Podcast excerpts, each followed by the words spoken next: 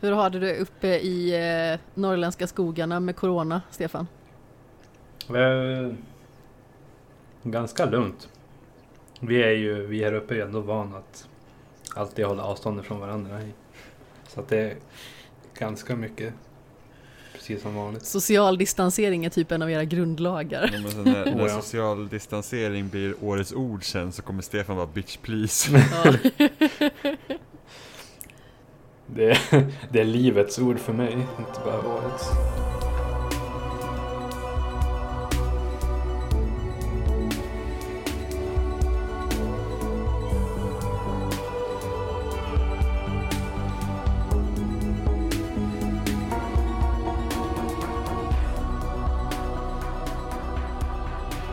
Välkommen till den 52 episoden av Skämshögen med mig Amanda Sten och mitt emot mig på andra sidan mikrofonen här sitter Jimmy Seppele Hallå.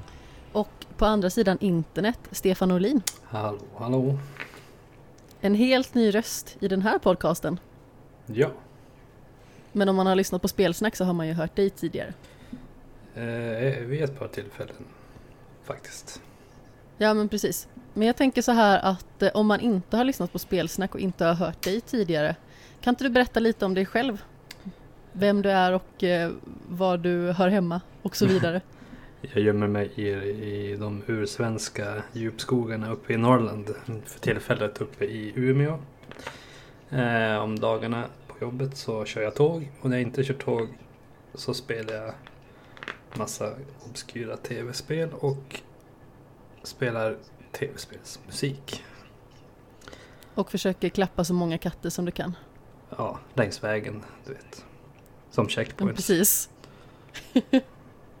man går förbi soffan, klappar en katt. Man går ut i köket, Gud, jag bara såg klappar en katt. Stefan nu så här, ha en typ radda med katter. Han drar längs rälsen när han sitter och kör tåg. Vad hemsk du är! På vägen, säger Stefan. Nej men usch. Det är, så, det är sånt det blir när vi tänker på fartränder. Stefan bara kattblod. Alltså vad mörkt det blev här nu kände jag. Ja, jag vet. Jag hade ändå tänkt att gå in i den här parallellen att eh, nu när det har varit eh, de här coronaperioderna så har det ju liksom kanske inte riktigt lika mycket påverkat oss eh, tv-spelare i alla fall. Nej. Jag, Nej. jag lever i stort sett precis som vanligt för att jag är ändå aldrig utsatt. Så för mig är det lugnt. Eh, Vi har också haft det väldigt lugnt och skönt. Vi har mest hållit oss hemma och gått och tränat. I stort sett. Mm. Gör våra vardagliga bestyr. Antingen så är vi i hemmet, på Maxi eller på Nordic Wellness. Eller en lobby i Fall Guys. Det också. Ja. Så himla peppad på säsong två. Imorgon är det dags. Det stod att det var en dag kvar i söndags. Jag var så jäkla hype att vakna upp på måndag. Jag bara, ny säsong. Och så logga in på måndag. Står det next season in two days. Jag bara, nej. Nej! Har du sett videos på nya banan Stefan? Ja, jag tror det var jag som länkade er nya banan. Ja, det var det visst. Det var så det. Med, med andra ord så ja. Ja, jag såg den också, Det, så att det- Ja, kul. Ja, men det, finns ju de som bara ser en bild och så länkar de och sen så Ja. gör de inget med den. Du är inte en sån Stefan. Nej, nej, nej, nej, nej, nej, nej. Nej. Men eh, jag tyckte det var kul att de, eh, de har ju inte bara använt nuvarande assets som jag tror de skulle göra och bygga, pussla upp nya banor och hinder utan de har verkligen gjort nya slags hinder, nya föremål att, i världen och som har verkligen ansträngt sig lite verkar det som. Mm. Jag undrar hur många nya banor det kommer vara. Jag hoppas alla är nya. Alltså de, de kommer inte ta bort de gamla. Det har jag också svårt att tro, men det ska bli kul att få spela lite nytt. Alltså det var rätt skönt när de ändå uppdaterade spelet och banorna blev lite mer varierade. Men banorna är fortfarande så pass lika sig själva att de här som verkligen har spelat mycket och länge vet ju vad grejen är. Nej fast jag har bara klarat Slime Climb två gånger sedan den uppdateringen. Jag har faktiskt inte klarat den många gånger jag heller. Det är helt sjukt, de ökade ju takten på slimet. Ja, det märkte jag sist. Ja, Det är helt sjukt liksom. Ja, det beror på vilken variant av banan man får. Men ibland är det så här typ, de hade hammare längst upp. Eh, det sista slimet man ska gå igenom. Och jag var så här. Yes, jag vill komma upp till de hammarna. Och sen så, blev jag, så, så var det en annan person som hoppade in i mig medan jag var i luften. Så jag åkte rätt ner i slimet. ja. Så himla surt. Och jag vet inte hur många gånger på den sista lilla klossen som rör sig fram och tillbaka, i och med att den går fortare, så är det jättemånga som ställer sig och väntar där och eh, typ knuffar den på den eller håller fast den så att man åker ner i slimet. Ja. Slimet som då går fortare naturligtvis. Alltså Slime Climb var typ blir så den. Slime Climb var typ den banan som var helt perfekt, den behövde de inte göra någonting med. Det var min favoritbana. Slime Climb. Ja det, ja, det är min favoritbana också. Det är jättelustigt, alltså tills jag klarade Slime Climb så hatade jag den till typ djupet av mitt rövhål.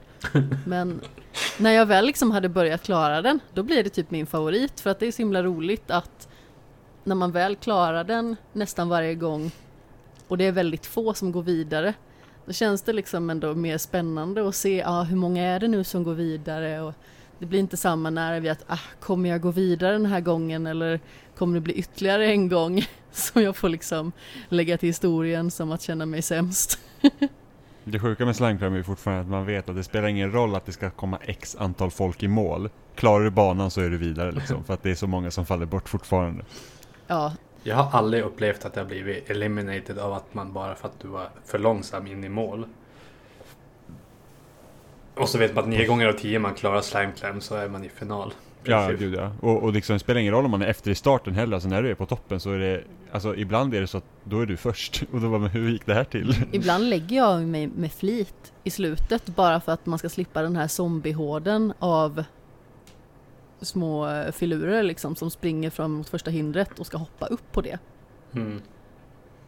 Så där brukar jag faktiskt lägga mig lite grann eh, i bakre ledet om det liksom inte är så att jag faktiskt är i främre från början. För då är det ju liksom bara att springa på. Men den är faktiskt lite synd att de ändrade för jag var så himla nöjd med att jag klarade den i stort sett varje gång. Och jag tror att det var sist vi spelade, jag tror att det var jag och tre till som gick vidare. Det har ju varit så några gånger att det har varit svinfå verkligen. Det är som man ställer sig på en av de här, eh, när man ska gå över typ de här smala plattformarna, så kan man ju bara ställa sig i mitten på den sista så kommer ingen förbi. Ja, Typ. på Det är cylindern. inte roligt. Ja, på cylindern. Det Ja. är inte roligt. Jag har, aldrig, jag har inte riktigt vågat göra det för att jag vet att när jag svinar mig så biter det mig i på en gång. Och du vet att någon som du bor med blir djupt upprörd Ja, över men att dig ställa hade jag sig ju där. släppt förbi, givetvis. Men hade du då liksom så här hoppat ner och låtit mig gå förbi? Nej men då springer jag bara vidare på cylindern ju. Ja okej, du tänkte så. Ja. Jag vart så paff sist jag körde slime climb för då har de ersatt backen där det rullar bo- bollar kan det komma kanelstänger. Ja, Och då Det är var det, så, så var det så trångt att kanelstänger de rullar inte ut från utan staplas på varandra. Så det var typ fyra, fem eh, kanelstänger i bredd där. Så om man hoppar på dem då ramlar de omkull och bara mm, ligger och krälar över dem i princip. För man kan inte gå var- på dem. Eh, För de har typ det var någon gång jag blev collision. kanelad typ tre gånger.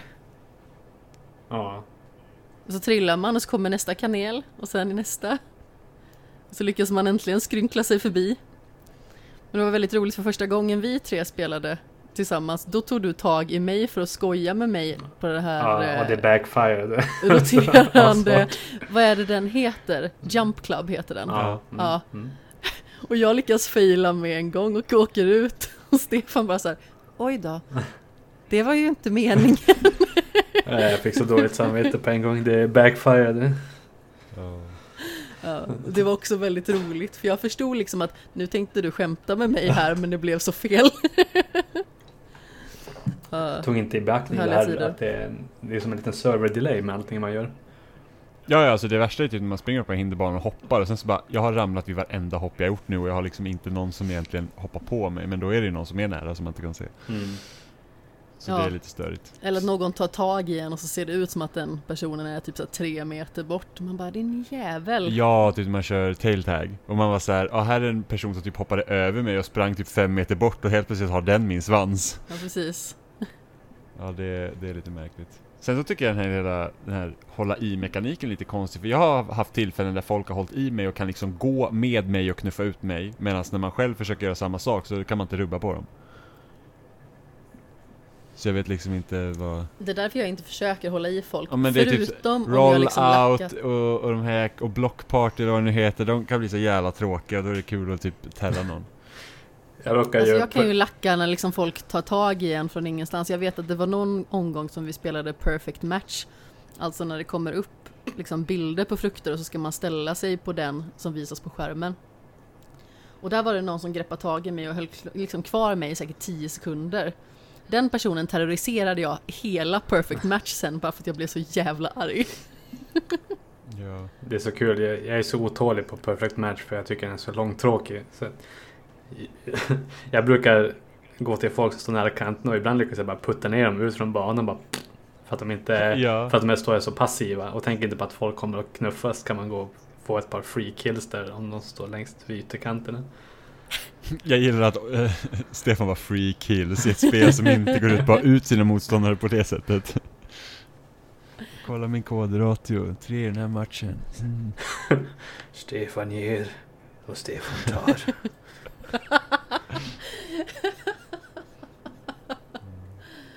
Kära någon. Men Slime Climb är ju verkligen något som påminner om vad vi ska prata om eh, primärt idag. Så vi har ju spelat väldigt mycket Fall Guys. Men jag skulle inte säga att det är ett jättesvårt spel utan det är ju mest ett väldigt roligt, tokigt spel. Vi hade tänkt att prata om svåra spel. ja. Vad har vi liksom för relation till svåra spel? Stefan, du kan få börja. Ja, förutom att vara uppvuxen med en radda svåra spel. Ja, men, så här, allt, a, a, allt på den andra sidan av 00-talet är svåra spel. typ. Ja, Fast jag tycker att ett av mina favoritspel till exempel Super Mario Bros 3 tycker inte jag är så svårt. Fast det kanske är för att jag har nött det ända sedan... det, eh, det är också mycket lättare än säg Super Mario Bros 1 eller den riktiga Super Mario Bros 2. Har lost levels. Ja, det är ju det är sadistiskt. Och jag minns sist jag provade spela första Super Mario Bros. Och det blir man ju påmind om nu när man spelar Super Mario 35. Att eh, andra halvan av banorna i spelet är så sjukt jäkla svåra. Ja, och sen så är det typ Alltså jag vet inte, jag, jag har upptäckt att jag har problem med typ den trådlösa handkontrollen till Switch För att jag känner att det är liksom en fördröjning innan man trycker på knapparna Ja. Vilket gör att jag hoppar ofta fel Eller glider runt, eller det blir inte riktigt som man har tänkt sig och då blir det ju ännu, ännu svårare Ja, man eh, går man för mycket på ens muskelminne och ryggmärgs hur man alltid Ja. har spelat, då är det som att man suger. Det märkte Ja. jag, jag spelade på Mini-Nessen när den kom. Och då spelade jag det första jag botade upp var Mario Bros 3. Ja, det är bra. Och, och så mitt i allt jag bara Jag minns inte att jag var så här jävla kass på Mario Bros 3. Något jag klarar ut säkert en miljard gånger sedan jag var liten. Och så bara, det känns som att det är första gången jag spelar. Men då är det för att man är så van att inte ha den där inputlägen. mm. Ja, men precis, för att på en, på en eh, äldre tv-apparat då är, det liksom, då är det verkligen typ direkt när man trycker på en knapp Och allt är analogt Det är det digitala som stör Mm, precis. Ja, Jag spelade det på en NES senast och det var två år sedan tror jag. Spelade igenom hela spelet. På en HD-TV Eller var det en eh, CRT-TV? Jag minns inte, jag tror faktiskt att det var en tjock-tv. Ja, för då är det ju liksom då, då, Det är bästa förutsättningarna Mm. Ja, jag, jag tror inte jag har spelat det på liksom en nyare konsol. Den nyaste konsolen jag har spelat Super Mario Bros 3 på det är nog Game Boy Advance. Och den är inte så ny. Nej, verkligen inte Jag köpte det liksom just då på alla ställen jag skulle kunna spela det. Spelat det Man kan ju prova och se hur trean känns nu när det finns Mario All-Stars på SNES-klienten på Switch. Den kom ju dit. Den All-Stars-samlingen med alla gamla spel. just det. Jag ska försöka få Jimmy att spela trean med mig alltså. Ja, Komma till- komma till- Som när vi spelar Super Mario 64 och Super Mario Sunshine Komma till den gröna stöveln i Super Mario Bros 3 som är den bästa banan. Det är jätteroligt. Och det är bara på den banan det finns den där stöveln. Det roligaste i hela spelet. Det finns bara på en bana i hela spelet. Det kanske är därför den är just så rolig, bara för att det är den enda gången. Det är sant. Och man kan bara ta stöveln vid to- typ två tillfällen på den banan. Ja. Så blir man sur när man Så det man gäller att ta tappar den. vara på den. Eh, men just det här med att allt före 00-talet är svårt också. Det, det, det har jag märkt nu när nya 3D All-Stars släpptes. Och så ser man någon annan spela spelet för första gången. Det är inte, ingenting är ju guidat för en eller så speciellt glasklart. Det är jättemånga av stjärnorna där som det är så ologiskt vad man ska göra egentligen för att klara uppdraget. Och så är det, ja, det är ett mycket svårare spel än säg Odyssey eller Galaxy. Mm. Även Sunshine är svårt alltså. Jag kommer ihåg det Fast som det är svårt. också mycket svårt för att det är dumt. Ja men sen också det att det är också något konstigt tror jag med emuleringen för att Marios liksom hur han kopplas ihop med plattformar han hoppar på är väldigt konstig. Alltså det känns fel emellanåt. Mm. Jimmy Rage quittade innan. Ja, men jag var på en jävla specialbana och det är så här typ att om man landar på en plattform och så tänker han så att åh jag ska ta tre steg till fast jag har släppt stickan liksom. Man bara, vad, håller du på med? Och sen typ fastnar i väggarna och liksom för att då ska han slida och skit och det, nej fy fan. Ja. Mario var inte värd mycket innan, det kan jag lova. Nej, då, usch, då blev jag trött. För att det är liksom så här, fine att man dör flera gånger, det, det stör mig inte, men när man får game over på skärmen så måste man hoppa upp till den där jävla banan, det är det som stör mig. Mm. Låt mig bara köra om den här specialbanan om och om och om igen tills jag klarar den. Jo men precis, men det är det som nya spel som är svåra kan göra rätt. Liksom snabbheten i att komma tillbaka och att få testa på samma hinder en gång till. Eller liksom en kanske inte jättelång bana en gång till. Det är ju en sån fin balansgång där eh, i hur väl spelet är avvägt egentligen. Ja, vi, jag är ganska pepp på de nya konsolerna som kommer nu för att där ska laddningstiderna vara så himla mycket snabbare så jag kanske äntligen kan faktiskt ta de sista achievementsarna i första Mirror's Edge. Mm. För att där har jag kvar, det är speedrun på varje bana. Och det är så att jag har inte lust att liksom speedrunna, misslyckas med hopp och känna att när jag startar om och sen sitta igenom till 50 sekunders laddningstid. Ja, Det är ju så otroligt Det är ju sömnigt. bara så att, då, alltså man kommer ju liksom helt ur gängorna då ju. Man blir bara så att, men jag är ju liksom uppvärmd och sen måste man sitta där och bara så här, typ få pyspunka. Det är ju det som är så fantastiskt med till exempel Super Meat Boy, att det går ju så himla fort. Det är som att bara knäppa med fingrarna liksom och så är du igång igen. Ja. Instant Det är nästan som en loop. Ja. Ja. Jag tycker Ja, själva det här äh, med game overs och sånt. Jag tycker det har åldrats dåligt. Jag tycker det är missplacerat även i Mario 64. Att du kan ju dö om och om igen och då får du börja om banan från början. Men när du får game over då gör du nästan samma sak fast du får bara börja utanför slottet istället. Jag ser inte poängen med att man ska ha extra liv och komma till en game over-skärm i de nyare varianterna av sådana där 3D-spel. Nej, det, det, nej men det är jättemärkligt. Det är så här att det, det blir bara irriterande. Alltså då är det typ så här. En anledning till att jag inte då vill dö är skräcken att få springa Mm. på slottets liksom eh, ägor typ in, in i samma tavla igen. För det är bara så att låt mig bara börja om för den här banan för att jag kan springa över slottet. Och jag förstod inte heller att man kunde springa över kullen så jag sprang runt den hela tiden. Jimmy himla med ögonen. Ja, Amanda det är inte lätt att vara jag alltid. Amanda ser en skylt såhär, don't touch the grass. Hon bara okej. Alltså det enda jag kommer ihåg från Super Mario 64 det var ju liksom typ pingvinerna och den här sandbanan där eh, man kan åka ner i kvicksanden. Mm. Det är i stort sett det, så jag kommer ju liksom inte ihåg utformningen så himla mycket förutom att man hoppar in i tavlor liksom. Gud, jag vet inte hur många gånger jag dog på Bowser på sista för att jag lyckades inte slänga den där jäkla ödlan på en av de här jävla sprängbollarna när det var en kvar. Då var du inte heller nöjd. Nej, det var jag inte heller glad. Nej, men jag var så fruktansvärt kass. Ja, Fast spelet var ju ganska så kast där Men, också. men där tror jag också att det handlar om att det är liksom en fördröjning i knapptrycket. Att det är så att när jag tror att här funkar det perfekt att kasta Bowser för att det är så det ser, det ser bra ut och då slänger man honom för sent. Du bara, jag är för dålig för att kasta sten. Ja, men lite så. så det är fruktansvärt. Jag är missnöjd att de tog bort så lång King Bowser när man slänger den.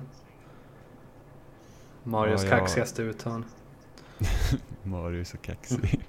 Och nu bara bye bye. Mario är mellanmjölk. Ja. Nu är han bara artig och säger hej då.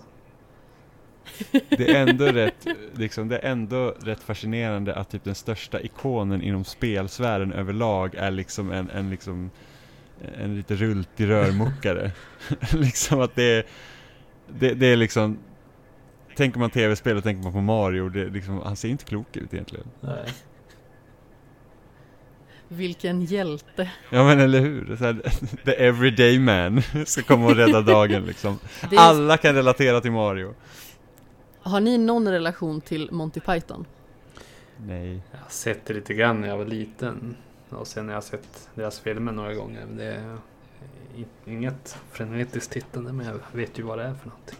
Ja, det finns ju en sketch som heter Bicycle Repairman. Och det går ju ut på att i en stad där alla är liksom Superman i stort sett. Där finns det bara en som kan laga en cykel. Mm. Så då måste man liksom åkalla Bicycle Repairman. Så då går liksom en sån här eh, Superman in och byter om liksom till en eh, reparatörsdräkt och kommer gående. Bicycle Repairman, our hero. det är otroligt roligt faktiskt. De har ju gjort en del saker som eh, håller extremt hög klass, tycker jag. Just den är en sådan. Älskar den sketchen. Men som sagt, det är ju gammalt och det kanske är svårt att ta till sig om man inte har sett det så himla mycket eller jag tänker så här dagens ungdom att de skulle kolla på Monty Python. Det finns ju typ inte på världskartan liksom när det finns eh, typ bajshumor ungefär. Det känns som att det är, jag dömde alla som är inom citationstecken dagens ungdom nu. Men eh, Vad är det här? Det är inte bajshumor. Det kan inte gå och titta på. ja, Var är mitt bajs? Hallå? men det känns jättemycket som att det är liksom mångas humor. Jag förstår verkligen inte mångas humor idag. Men jag är också lite gammal i Ja, huvudet. fast jag tror, det är inte det liksom man alltid tycker om den yngre generationen för att jag tänker att jag tittar, alltså om jag ser till mig själv vad jag tittar på Liksom överlag så tittar inte jag bara på nya grejer till exempel Nej, alltså inte jag heller. Och sen så vet jag att det är många grejer som inte har åldrats med värdighet. Ändå. Alltså, jag tänker ju Första, första jag ga- tänker på när du säger Galenskaparna sådär, tänker jag. Är, är Pippi Långstrumps pappa. Först, första jag tänker på när du säger sådär. Oh, ja, det är ju inte bra någonstans. Eh, vissa saker åldras inte så bra. Men Nej, men det får man ändå så här. Man får ändå acceptera att vissa saker inte åldras bra. Det kan vara mycket skämt som fungerade för eller som ansågs som roligt för som inte helt enkelt är det nu. Jag, jag tänker ju bara på eh, Galenskaparna är ju ett ganska bra exempel på humor som var jätterolig då. Men det var för att det var så aktuellt och baserade så himla mycket på den tiden. Det var liksom saker som skedde i samhället just då som de gjorde humoristiska mm. akter kring. Eh, och den enda som jag känner att som hade kunnat appliceras i dagens samhälle ganska så tydligt det är typ macken för att där finns ju liksom väldigt mycket stereotyper. Mm. Så den hade man kanske kunnat föra in i ett liksom, framtida liknande scenario. Men det är mycket som liksom Skulle någon kolla på alltså Galenskaparnas eh, gymnastikklipp till exempel skulle de nog få fnatt och undra vad det här var för något märkligt. Jag tycker ju att det är jätteroligt för att jag har växt upp med det. Mm. Typ när Fleming Fartland eh, fastnar i vinkelvolten och Fritiof konkas och Vanja Jumper. Och när någon gör den spanske. Men eh, ja, nej, som sagt, vissa saker åldras inte alls med värdighet och så även spel. Som sagt. Ta bara Mario. Jag, jag tycker personligen att eh, 64, det är ett hyfsat spel. Kameran är största skurken märker man nu när man har spelat nya Mario-spel. ja. Den är fruktansvärd. Jag får Ja. ju typ kramp i hjärnan av den. Jag hatar att den vrider Ja. sig av sig själv hela tiden också när man håller på med annat som gör att man går snett hela tiden. Ja, det bästa var ju verkligen så bara, åh här är en jättesmal rak plattform, placera kameran bak för Mario, man börjar gå, sen kameran bara panorera, och man bara nej! Då går man av taket. Lämna oss inte! Ja, så att det är ju, men annars är liksom, om man tänker bara på så här Super Mario 64, alltså utöver kameran så, alltså jävligt mycket saker de träffade rätt med liksom deras första försök i 3D. Förvånansvärt tight liksom- plattformade annars för att vara det första 3D Mario. Och verkligen, och bara säga att man Alltså om man tittar nu till exempel och jämför Super Mario 64 med 2D-spelen så är det verkligen så att, ja men på 2D-spelen visst du hade kanske lite secrets och sådana här grejer för det är kul att upptäcka på de banorna men annars är det liksom väldigt rakt, alltså springer från vänster till höger sen så kommer du till mål. Mm. Medan Super Mario 64 är verkligen såhär, hmm, istället för att, för då kunde du lika bra gjort typ som Crash Bandicoot. Du liksom har egentligen ett 2D-spel bara att allt är 3D. Ja. Men istället blir det så att okej men Super Mario 64 är ju mer som ett äventyrsspel i det, i det avseendet att du undersöker ju banorna. Mm. Det är ju liksom inte så att det är inte solklart vad du ska göra utan du, här har du en 3D-miljö, ha så kul liksom. Ja. Och här har du liksom en obskyr liten mening där det säger att vad ska du göra? Och så, så bara okej, och så får man försöka lista ut det. Mm. Pilla navelludd i solnedgången. Man bara, hmm, jag kanske ska göra så här. ja, precis. Det betyder inte vad det står. jag börjar bara tänka på Breath of the Wild när man ska stå naken inför blodmånen på ett speciellt ställe. När man ska ta en av, en av shrinesen. Helt plötsligt låter det här som ett spel jag borde spela. Ja, men alltså, Mm. Naken i blodmåne. Breath of the Wild är ju fantastiskt. Alltså, det- och där ser man ju verkligen så här typ Alltså man kan titta typ Nintendo under liksom Switch-eran nu så är det bara så att Super Mario Odyssey är egentligen deras nya version av Super Mario 64. Det är liksom huvudsakligen den största inspirationskällan för Odyssey. Eh, och tittar man på Breath of the Wild så är det absolut första Zelda-spelet som är som är inspiration för det. Det känns ju som ett, det kän- känns ju verkligen som första Zelda i liksom en 3D-miljö. Både, It's a secret to everyone. både det första Zelda och Link Between Worlds som du gjorde första provet med att göra saker i vilken ordning man nu känner för. Mm. Jag har inte spelat Link Between Worlds. Det däremot, det var, jag, har, jag spelade igenom det när det var nytt. Men det, var, det är en grej jag inte tyckte om med det. Det är ju att eftersom du kan göra allting i vilken ordning du vill. Så känns alla tempel lite grann för mig som det första templet. Mm. Och det gör inte att saker stegvis kan bli svårare och svårare. Utan varje tempel du går till behandlar det som att det här är det första templet du är i. Med det här föremålet du måste ha för att komma in hit. Mm. Eh, och då gör det som att allt hålls på ungefär samma nivå. Fram tills du är på Ja. i sista stället då. Där du kommer sist av allt då innan sista bossen. För då där börjar de blanda ihop lite mer. Mm. Så det är ändå nackdelen jag har med själva det upplägget. Mm. Har vi något så här svårt spel från barndomen som vi ser tillbaka på och tycker fortfarande är bra och roligt? Mega Man 2 och Åh. 3. Mega Man 2 är fantastiskt. Jag klarade det för första gången för typ tre år sedan. Ja, det är bra. Jag har försökt klara första Mega Man så himla många gånger och det är så jäkla svårt. Jag är bara såhär, nej, gammalt spel är dumt. Varför bemödar jag mig ens? Ändå har jag liksom såhär, jag kommer ihåg att till och med, jag köpte en freeloader och jag importerade Mega Man Anniversary Collection till GameCube. Oh Jag får en sån här bild av hur Jimmy sitter bara Sluta Mega Man, sluta! Det är så himla, det är så himla konstigt. eh. Jag, jag, vill, jag skulle vilja spela igenom alla Mega Man men jag kan liksom inte bara så här hoppa över första Mega Man och sen hoppa in direkt på tvåan. Jag är såhär bara, jag måste köra första spelet. Så att, Jag köpte ju eh, Collection när den kom till eh, PS4. Då är det de första sex Mm. spelen. Men jag har personligen bara spelat de tre första. Och jag gillar Mm. trean bäst. Det är väl det svåraste. Det är könsords svårt. Oj, Och här tar man i. Ja. ända från tårna. Ja. Mm. Ja, jag, har ju också, jag har ju också Anniversary Collection till Xbox. Ja.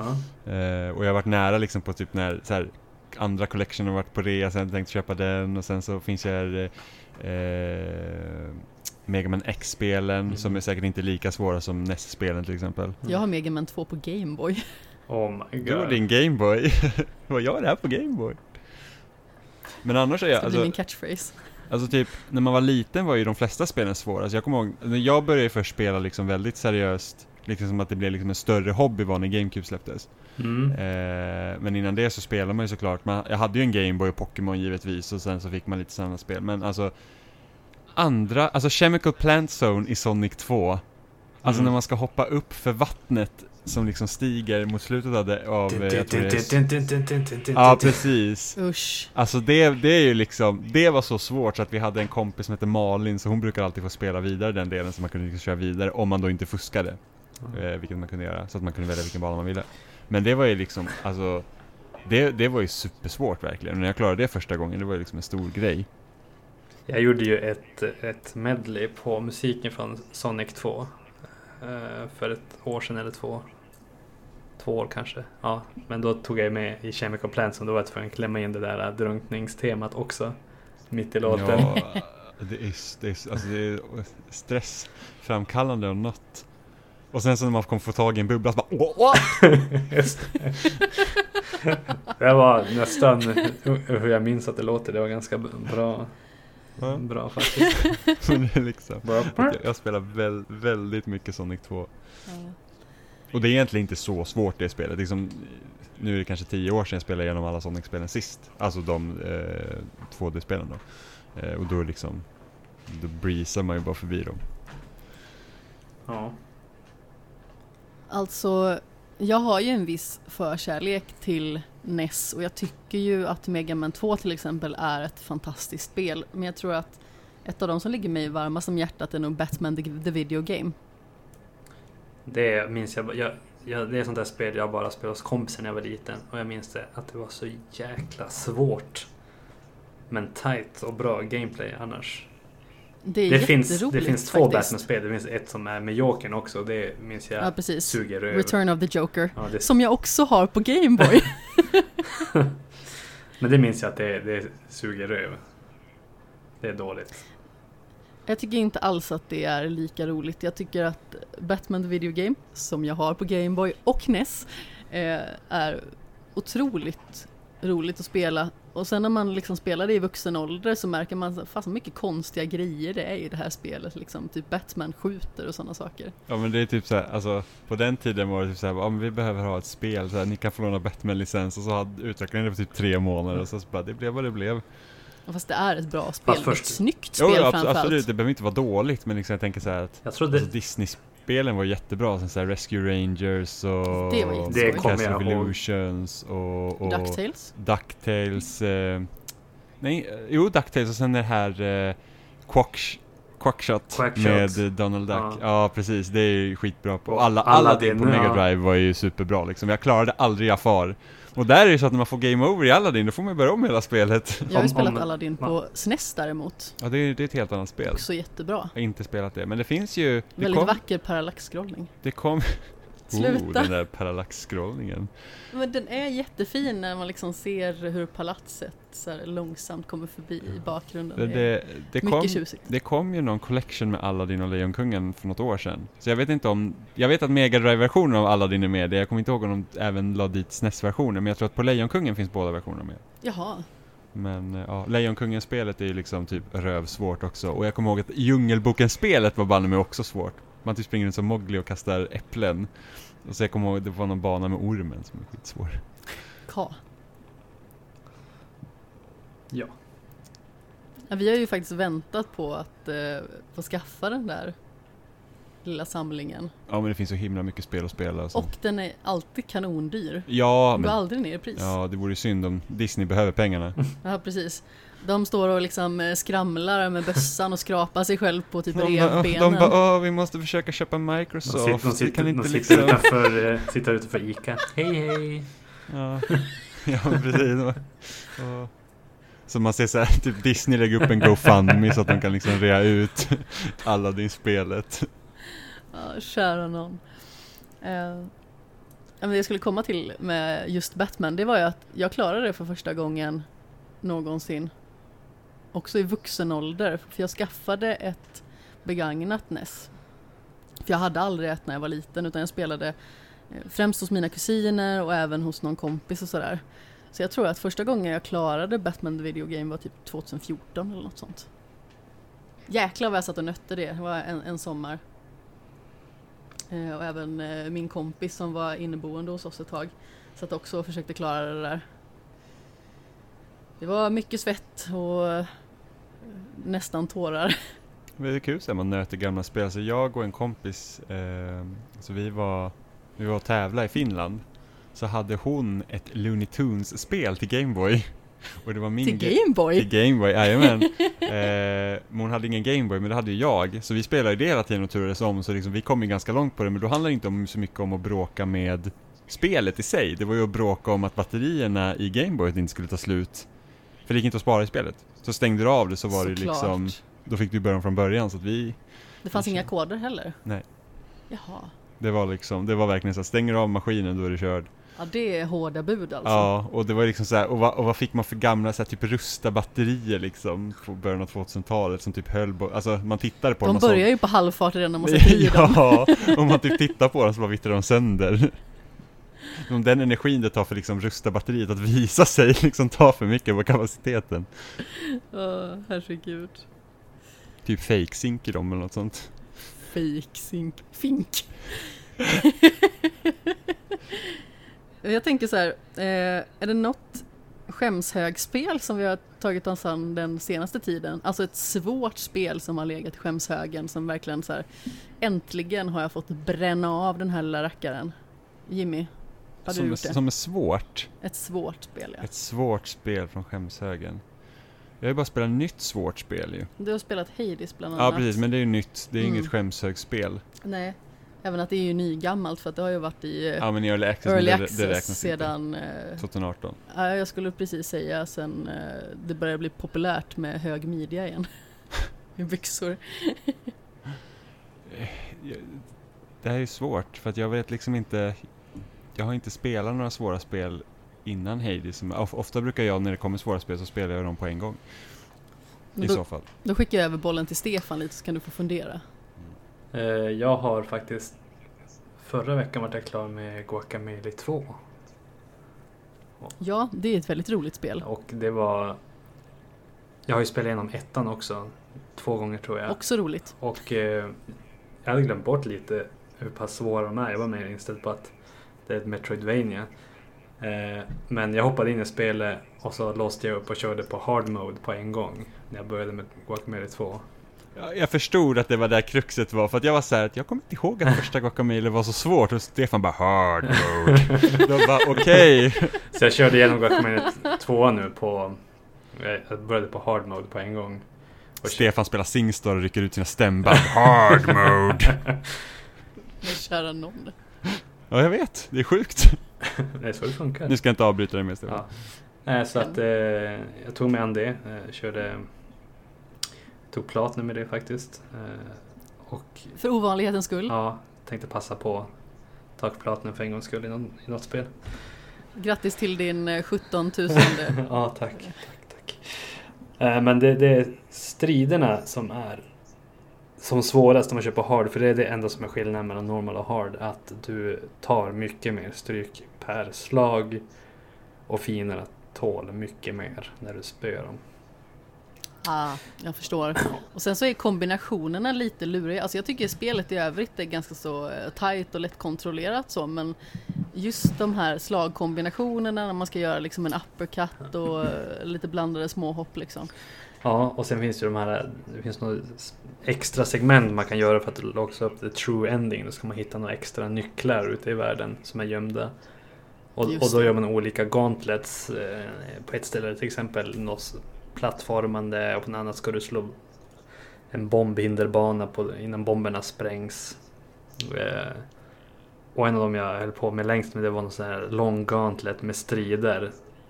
Som jag varit så jäkla knäpp på för det var något rum finns en fiende som eh, speedar upp fienden så den attackerar snabbare och rör sig snabbare. Så man har mindre tid på sig att dodga och reagera på vad den gör.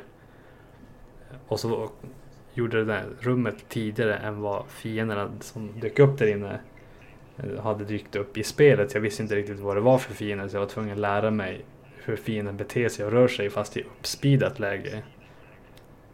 Så jag, där var jag fast ett tag. Jag höll på att slita av mig mitt hår nästan. Men det var kul. I slutändan. Alltså det är ju ett roligt spel och det är ju ett väldigt bra spel. Ja. Men som sagt, det är ju svårt. Humorn är väldigt, väldigt... Jag älskar humorn i, i spelet. Det har ingen... Grundstoryn är väl ingenting att hänga upp i granen men det är just allt skrivandet i dialogen och humorn som gör det spelet så pass eh, alltså ihågkomligt, att man kommer ihåg det så, så långt efter. Samma med första spelet. Eh, Ja men verkligen. och så i slutet när man hade hittat de här gömda nycklarna då kommer man till en sista, sista plattforms-gauntlet som bara är plattformade i, i kycklingform. Man kan förvandla sig mellan människa och kyckling. Och med kyckling... Att vara kyckling var ju fantastiskt. Ja, det är skitkul. Eh, men då var det tight plattformande som kyckling sista och det var det var utmanande. Det kan jag ändå rekommendera någon som tar sig an Guacamelee 2 att man gör allting i spelet. Hitta nycklarna och komma till Golden Egg Temple eller vad det nu heter. Men det är typ så de nya Mario-spelen också har varit. Där är de svåraste banorna kommer ju liksom efter man har klarat ut. Det är liksom allas bonusgrejer. Ja, Och typ de bästa banorna i Super Mario 3D World var ju typ när man har tagit alla mynt. ja. men det, det är inte, du kan hitta allt det här innan du kommer till slutet eftersom alla de här gauntletsarna är gömda. Ja, ja, ja. Så att eh, har man bara sprungit på dem. Det, man får en av nycklarna av en av bossarna i storyn som hintar på att ah, här finns det faktiskt att få nycklar. Mm. Så att om man inte har hittat någon innan dess då är det väl som en tri- trigger där att man kanske vill hitta dem. Men så är jag i alla sådana där spel ändå, alla Metroidvanias. Man, så fort jag får en ny ability, bara ah, vart kan jag gå nu då istället? Backtracka och jag gillar att utforska och hitta allting. Det är, speciellt sådana där spel, det är riktigt kul.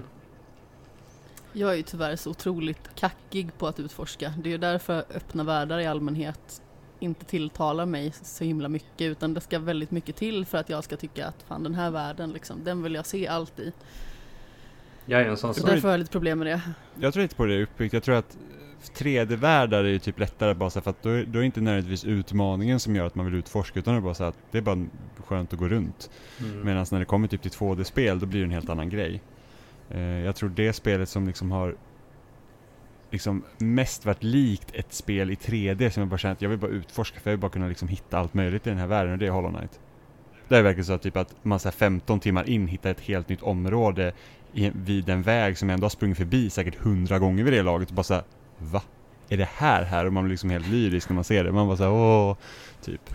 Va? Jag har ju tyvärr inte klarat ut det. Jag spelade kanske någon timme och sedan så började det verkliga livet igen. För Mm. att det var typ sista speltimmen på semestern förra året. Men Hollow Knight är också rough i början liksom.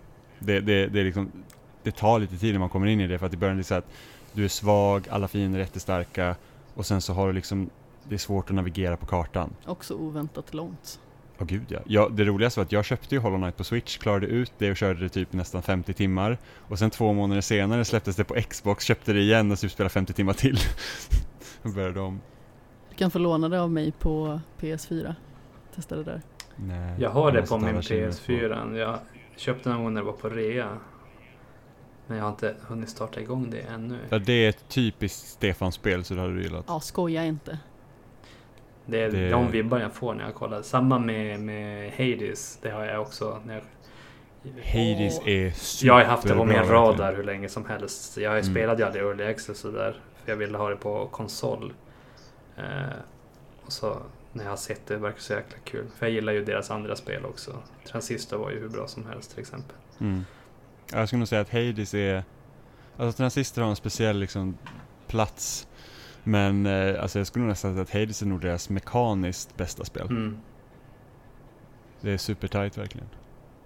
Ja, alltså det ser ju fantastiskt ut och jag vill ju bara bli klar med Ori and the Will of the Wisps som förvisso är otroligt bra spel och eh, inte lika mycket eh, svårt spel som dess föregångare. Men Hades vill jag verkligen sätta tänderna i. Jag är så exalterad över det. Eh, Jag har ju precis spelat klart Pyre som eh, minst sagt låg i skämshögen länge och det kan vara svårt. Alltså det är ju liksom inte svårt att ta sig mellan de olika riterna eller för all del liksom förmodligen ta sig till slutet överhuvudtaget. Men just att klara riterna och det finns olika typer av svårighetsgrad och eh, sen en bit in så kan man liksom lägga till olika typer av stjärnbilder vilket då genererar att eh, det kan bli svårare i striderna på olika sätt. Och ju fler stjärnbilder man har desto svårare blir det. Eh, kan man säga att regeln är. Och eh, jag, jag tror att det fanns tre stycken troféer knutna till det här. Och det var något i stil med att först skulle man klara en rit med tre stycken stjärnbilder och sen var det sex stycken och sen var det tolv stycken. Jag klarade tre, jag tror jag har klarat sex stycken också men tolv gav jag mig inte ens på. Det var liksom orimligt, då var det liksom så här att ja men eh, jag tror att det var att hälsa på det andra laget. För det är ju liksom, om man inte har spelat Pyre så är ju själva de här riterna då eh, det är ju som en eh, sportbollsmatch i stort sett mellan två lag med tre stycken karaktärer i varje. Och man skulle kunna säga att eh, det är en eld som är mål. Och när man träffar den här elden på ett eller annat sätt så dras det olika mycket poäng. Så det kan ju vara liksom med de här stjärnbilderna och att ja men, hälsa på elden återgenereras i något visst läge eller att motståndarlagets eld har 30 poäng högre från start. I vanliga fall så har man ju liksom 100-100 eh, då. Så det, var, det kan vara klurigt. Jag skulle nog inte säga liksom att det är per definition ett riktigt svårt spel men det kan vara väldigt svårt om man vill. Däremot för ett tag sedan, det är väl det närmsta i tiden som jag tänker så här att nu spelade vi ett svårt spel. Det var ju när du och jag klarade D&D Jimmy Ja, i våras. ja. Det, det var svårt. Det är få gånger som jag har haft så himla mycket bättre tålamod än du. Ja. Alltså det är väl mest liksom sådana så här gamla dumma spel som eh, Super Mario Sunshine som jag blir purken. Men eh, just D&D Snai är ju väldigt roligt för att det är ganska så likt Super Meat Boy i och med att det är samma skapare. Bara det att det spelas som en liten blob. Har man lyssnat på eh, det här eh, decenniets spelavsnittet, eh, topp 50, så pratar jag om det där. Så det, det kan man lyssna på ifall man vill ha lite mer djupgående, men det var ju också ett, ett svårt spel. Ja, det är ett väldigt svårt spel. Men också väldigt roligt och man kommer snabbt tillbaka. Man kan testa nya vägar. Och men jag, jag gillar den typen av spel. Det är lättillgängligt. Alltså, ett spel kan vara svårt, men just strukturmässigt var enkelt och det är det jag uppskattar liksom. Att sitta och vänta i en evinnerlighet för att testa en ny sekvens. Det har jag liksom inte mycket till övers för. Det är två spel på min wishlist som jag tycker är synd att jag inte har hunnit spela ännu. En av dem är just The Andy Sny och det andra är Celeste. Ja, det måste spelas det. Jag provade lite grann när jag var hos Oliver sist. Eh, Ja. Och det, det kändes, som, Sluta skratta åt mig Jimmy. kändes, som ett, Oho. kändes som ett Steve-spel. Så att det, Ja men Celeste, Celeste är helt amazing. Alltså jag kommer ihåg att när jag, jag spelade, det var ju, hade precis släppts i princip. ja.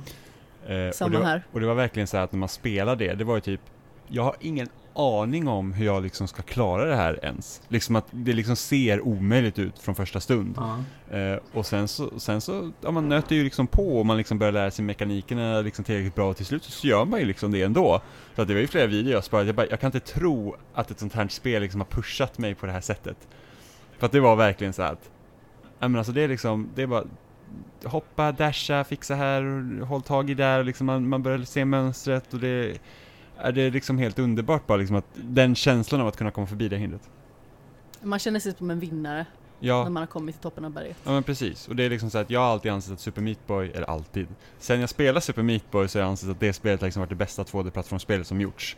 Eh, och jag sagt att jag har svårt att se, Det fick på tafsen. ja men det är liksom så här, jag, jag hade liksom svårt att se vad är det som skulle kunna vara bättre än det här för att jag tycker att det är så himla bra.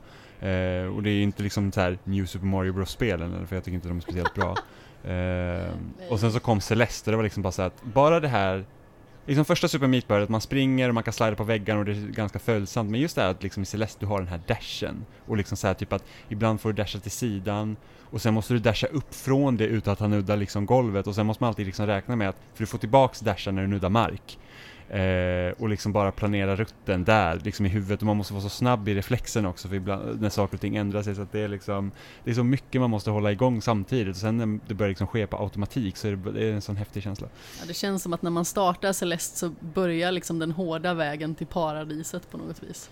Och den här känslan du beskriver också av Celeste, att det känns omöjligt men man liksom pushar på och tar sig igenom och man känner sig, känner sig grym. Det påminner exakt som när jag spelade igenom Super Meat Boy första gången. Samma här. Speciellt, Gjorde du allt i Super Meat Boy Stefan? jag har inte tagit all, alla, alla trophies för det tror jag inte många gör. Det, det enda jag har kvar i trophyväg det är att man ska klara en hel värld. Alltså alla världar utan att dö en enda gång. Alltså alla 20 banor i en värld. Ja, precis. Det, jag, har varit, jag har kommit typ till bana 17 eller 18 på första världen utan att... Jag har, jag har tagit hela värld 1, 2, 3 ljusa världen utan att dö och ett, två mörka världen utan att dö. Men när man ser banorna som är i sista världen och, och i Bandage Girls banor. Bandage Girl, alltså det var där jag slutade spela. Jag slutade spela när jag försökte gå på Bandage Girl. Jag var såhär, nej alltså jag har sett för många jävla roterande sågblad nu för mitt liksom... Det finns ju en bana där du, du måste hälsa. konstant springa och så här, du är en tight gång där du precis kan hoppa över sågblad som sticker fram. Samtidigt som jag tror det kommer upp någon vätska eller något som gör att du dör. Eh, så måste du bara alltid snabbhoppa allting för varenda... Du är som en tight gång där ditt hopp inte är speciellt högt men det är precis nog högt att du kan hoppa över sågbladen som är vid fötterna. Mm. Och jag minns sådana, En- då måste man alltid tajma alla hopp perfekt på vägen upp. Och då tänker jag, tänk att klara, det är bara en av de här 20 banorna man ska klara utan att dö. För att få en... Ja. Så det är de, de trofisarna jag har kvar i Super Meat Boy. Annars har jag gjort allt annat, tagit 100%. Hittat alla dolda karaktärer och gjort alla extra banor och allt sånt där. Jag har klart... För den eh, I wanna be the guy-banan, den var ju ökänd för att vara svår. Jag minns att jag läste bara den här tar flera timmar att gå igenom och så för mig tog det kanske 20-30 minuter. Jag bara ah, okej. Fy fan, jag, inte, jag tror inte jag klarar Och det fick mig att bara ah, nu ska jag vilja spela I wanna be the guy. Så gjorde jag det sen. Det var Jag har för mig att min kompis Tobias Andersson från Svampriket har tagit Platinum i Super Meat Boy. Fy, Och fy han vill inte veta av det spelet Ja, idag. det förstår jag. Det är så, att så fort man nämner det så får han typ huvudvärk. Jag tror det, det kan ju förstöra lite just när man är ute efter just en sån slags trophy. Tänk att du klarar 19 banor, är på sista där så bara pff, dör du. Och du bara, ha, det var allt för ingenting. Kommer världens avgrundsvrål liksom Ja. och kontrollen åker i väggen. Annars är ju trophies och achievements är ju jättebra morot för att liksom ta an sig svåra utmaningar. Jo, Framförallt tycker jag trophies, för jag tycker ju att det är roligare än achievements. men så finns ju en, en Alltså gräns just själva också. uppbyggnaden. Vad som är, ska Ja. kännas som en värd morot. De bara, ja men klara spelet en miljon gånger utan att ta skada på svåraste. Man bara, nej. Ja, nej, men så att jag spelar ju aldrig spel på högre svårighetsgrad än normal innan achievement. Jag var liksom bara såhär, nej alltså det, det varför skulle jag utsätta mig för det typ? och sen liksom så här typ att jag kommer ihåg det, för att när jag och Robin, en av mina kompisar, alltså Robin har inte varit med här men han är gemensam vän till alla oss. Eh, så vi, då, då blir man lite här, man äggar lite varandra. Jag var, ja, vi ska klara Gears of War på svåraste. Liksom, och det var så här, svårighetsgraden heter insane. Ja. Så att det är liksom så här, typ, man, man lägger ribban ganska högt. Fan, vi tragglas igenom det och då tycker jag ändå ettan och tvåan är roligast att köra på svåraste. Jag minns när vi spelade igenom Gears of War så satt Jim hela tiden såhär bara "Ah, Alltså den här banan var så svår på Ja, Insane. man, man kommer ju sen, man var såhär, jag, jag har typ PTSD när man går igenom spelet, man var såhär, här vet jag, här, här satt vi typ i sju timmar i sträck och kom inte någonstans. Åh, kära någon. Och så har man liksom, speciellt ettan, alltså Gears of War 1 och det har ju liksom inte jättestor variation i musiken, så att man liksom, man säger att här var vi i sju timmar och hörde den här slingan om och om och om igen. Det hade kunnat driva vem som helst i vansinne. Ja, faktiskt. Ah, hjälp.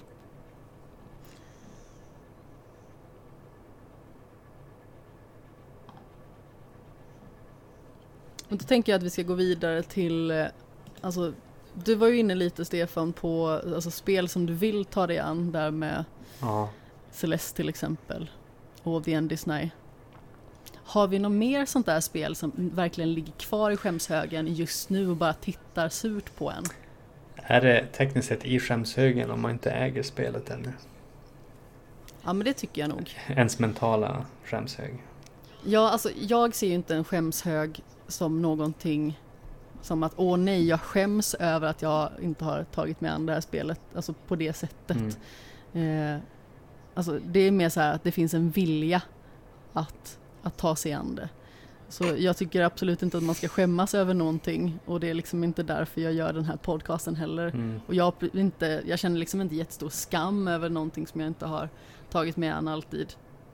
Eh, för jag tycker att det kan finnas en ganska så liksom eh, toxisk eh, kultur ibland i liksom både videospels och eh, filmsammanhang. Liksom, har du inte sett det där? Eller har du inte spelat det här? Och så ska man liksom typ få dåligt samvete över att man liksom inte har Mm. eh, tagit sig an det. Eh, och det känns som att eh, väldigt många personer kan trycka på ganska så negativa knappar när de yttrar sig på det sättet.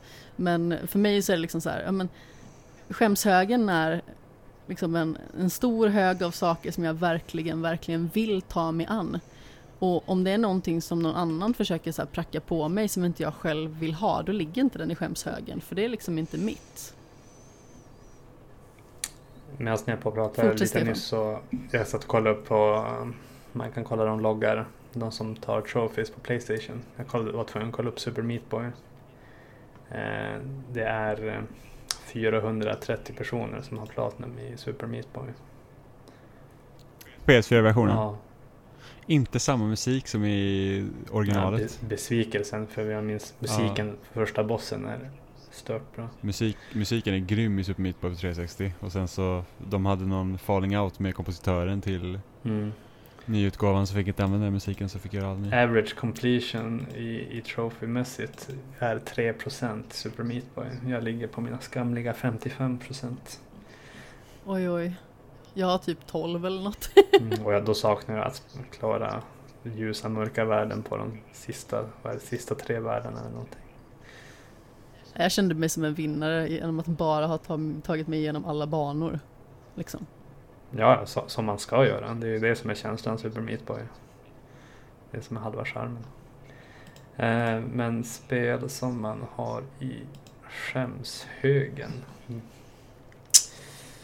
Ja, det ska väl vara Hollow Knight kan jag tänka mig är ett sånt där riktigt mumsig bit som ligger där och gottar sig. En mumsig Stefan-bit Ja helt men det är enkelt. typ en sån här grej som man blir förvånad över att du inte har spelat än Stefan. För jag har en det är ju installerat allting på min PS4 se- sedan jag köpte det på rean. Och så har jag sorterat alla mina spel i två mappar. Jag har en som är typ fullständiga spel och så en indie-mapp. Eh, Och eftersom jag spelar mest indie-spel så är min indie-folder mycket större. Men den är längst fram. Nej, Shovel Knight är längst fram och sen är det Hollow Knight. Så jag alltid ska se den. Så han blir en av thumbnailsen på, på mappen. Så The Knights står och vaktar mappen. Ja, pre- precis. Så att jag stå, står där bara, när man- varje gång jag går in där, ja, Shovel Knight, så har man klarat ut, jag klarat ut det typ hundra gånger och så Sen säger jag det, Hollow Knight, jag bara, ah, det här vill jag ta tag i. Men då har jag ju läst att det är så jävla långt också och det känns som att man vill Ja det, det är jätte, alltså Man vill- vill man, man göra vill allt i det sig, spelet ja. så börjar man närma sig över 100 timmar liksom. Ja, då känner jag, ja men då vill jag hellre beta av. Så jag betar av spel som är kortare. Jag tror eh, Guacamele gick på en 10-12 timmar. Att bli Mm. klar med. Och det är ju ja, det är betydligt mindre. Ja. ja, men det är så himla matigt om man ska gå igenom så här långa spel på rad. Jag vet ju typ 2017 där när det släpptes liksom storspel på storspel som var liksom så här över 50 timmars sträcket. Det var liksom så här Horizon, Zelda, Persona 5 och Prey. Och Nier Automata. Och Nier Automata och alla de spelarna är jättelånga. Ja, Och sen så typ hösten 2018 var det så här liksom Red Dead 2, Assassin's Creed Odyssey, Spiderman. Spider-Man, liksom det var också så här bara att Shadow of the Tomb Raider. Då är man, ja som var onödigt långt. Då är man så här att, alltså jag or- orkar liksom inte jag, jag behöver liksom ha något emellan som liksom inte tar upp all min tid. Ja, Jag var ju tvungen att ta en paus i slutet av eh, 2018, eller hösten 2018, för att jag höll ju på att bli helt bränd i huvudet. Alltså dels så jobbade jag otroligt mycket eh, och dels så var det så himla många stora spel på rad och eh, just då kändes det som att jag liksom behövde täcka allting i och med att vi hade en podd, eller jag var med i en podd som eh, täckte liksom väldigt mycket, mycket aktualiteter. Så då spelade jag ju i stort sett Spider-Man, Shadow the Tomb Raider, Fifa, Red Dead Redemption på rad. Och visst, jag eh, blev liksom inte klar med något av de spelen då. Men de löste ju liksom av varandra. Jag hann ju inte bli klar med någonting innan nästa stora spel kom. Så jag höll ju på att bli helt jäkla spelbränd och jag orkade liksom inte podda heller. Jag tappade lusten totalt, verkligen. Eh, och kände bara att jag vet inte vad jag ska göra, jag måste få vila. Jag har liksom ingenting att vettigt att säga längre. Mm. Jag har kommit i en fas nu i mitt spelande som är att jag har ju så mycket i min, vi ska vi kallar det för skämshög där också. Men att eh, jag ska hinna beta av så mycket som möjligt innan PS5 kommer. För jag vet när den kommer kommer så mycket bli bortglömt. Eh, Absolut. så att eh, då har jag, jag kommit så långt att jag till och med planerar ungefär, ungefär vilken ordning jag måste spela spelen i för att få en så bra blandning som möjligt. Så att jag inte bara sitter och köttar som du säger, så många kolosser på varandra så man blir helt död i huvudet. Så att jag blandar jag hade några walking simulators som låg där. Eh, vad heter det? Gun Home till exempel och Edith Finch tror jag det heter. Och sen vart det Mm. lite Matterfall. Det är inte klar med ännu men det hoppar in i lite då och då. Betar av några banor. Också bra, svårt spel. Ja, faktiskt. Och sen nyss körde jag igenom eh, Detroit. Det har jag velat spela igenom. Och sen nu har varit Gua- Guacamelee som är lite kortare. Och då har jag också har jag Wolfenstein 2 inne som jag tänker det här ska jag också ta tag i. Så jag försöker verkligen beta av det jag har på hårddisken och det som är i spelhyllan. Så jag, nu, spe, nu spelar jag lite mer än vad jag i vanligt fall vanligtvis gör annars. Bara för att hinna med lite. Jag hade ju också en period i sommar där jag betade av långkörare. Alltså jag hade ju Nino Kuni 2 där jag sammanlagt då klockade in på 140 timmar Jäklar. och Nier Automata där det blev, jag tror det var 65 timmar eller någonting sånt. Mm. Och de spelade jag efter varandra. Och jag hade ju även planer på att spela 2018s eh, God of War. Jag bara så, jag orkar inte. Mm. Det går inte. Det går inte att hålla på.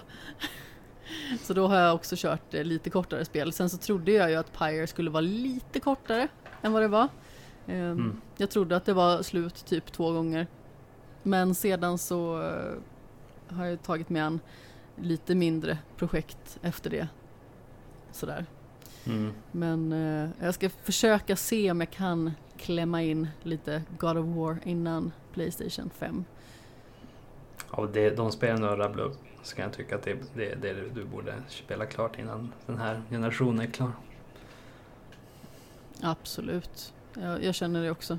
Det, Så, så mitt sommarprojekt var ju Horizon som jag har haft i skämsögon sedan det släpptes. Var det, var det 2017 det kom? Jajamän. Ja, och i sommar där, tänkte jag bara nu, nu är tiden, nu är det dags. En riktig munsbit. Gör jag inte det här nu så kommer det aldrig bli av.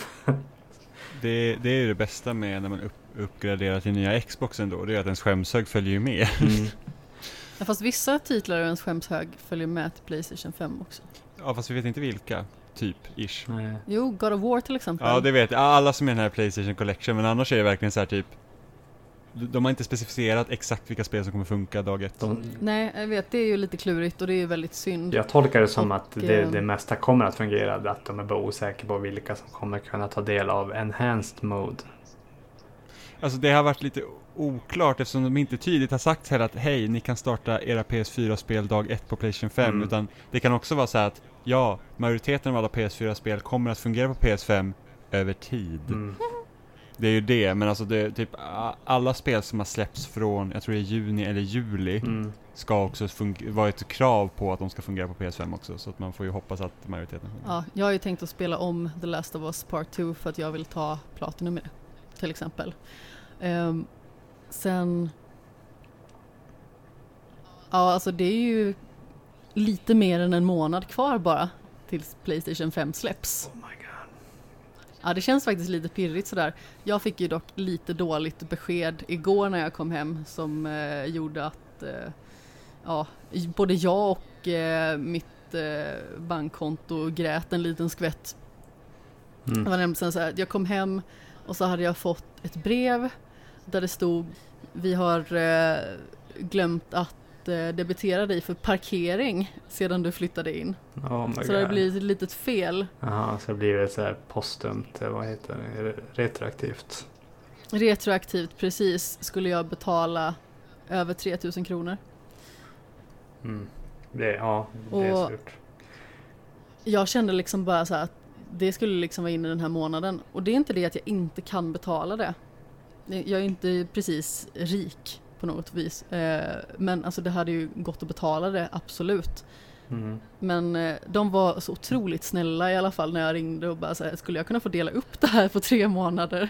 Mm. Jag tänkte ju framförallt liksom på nästa månad då när Playstation 5 släpps.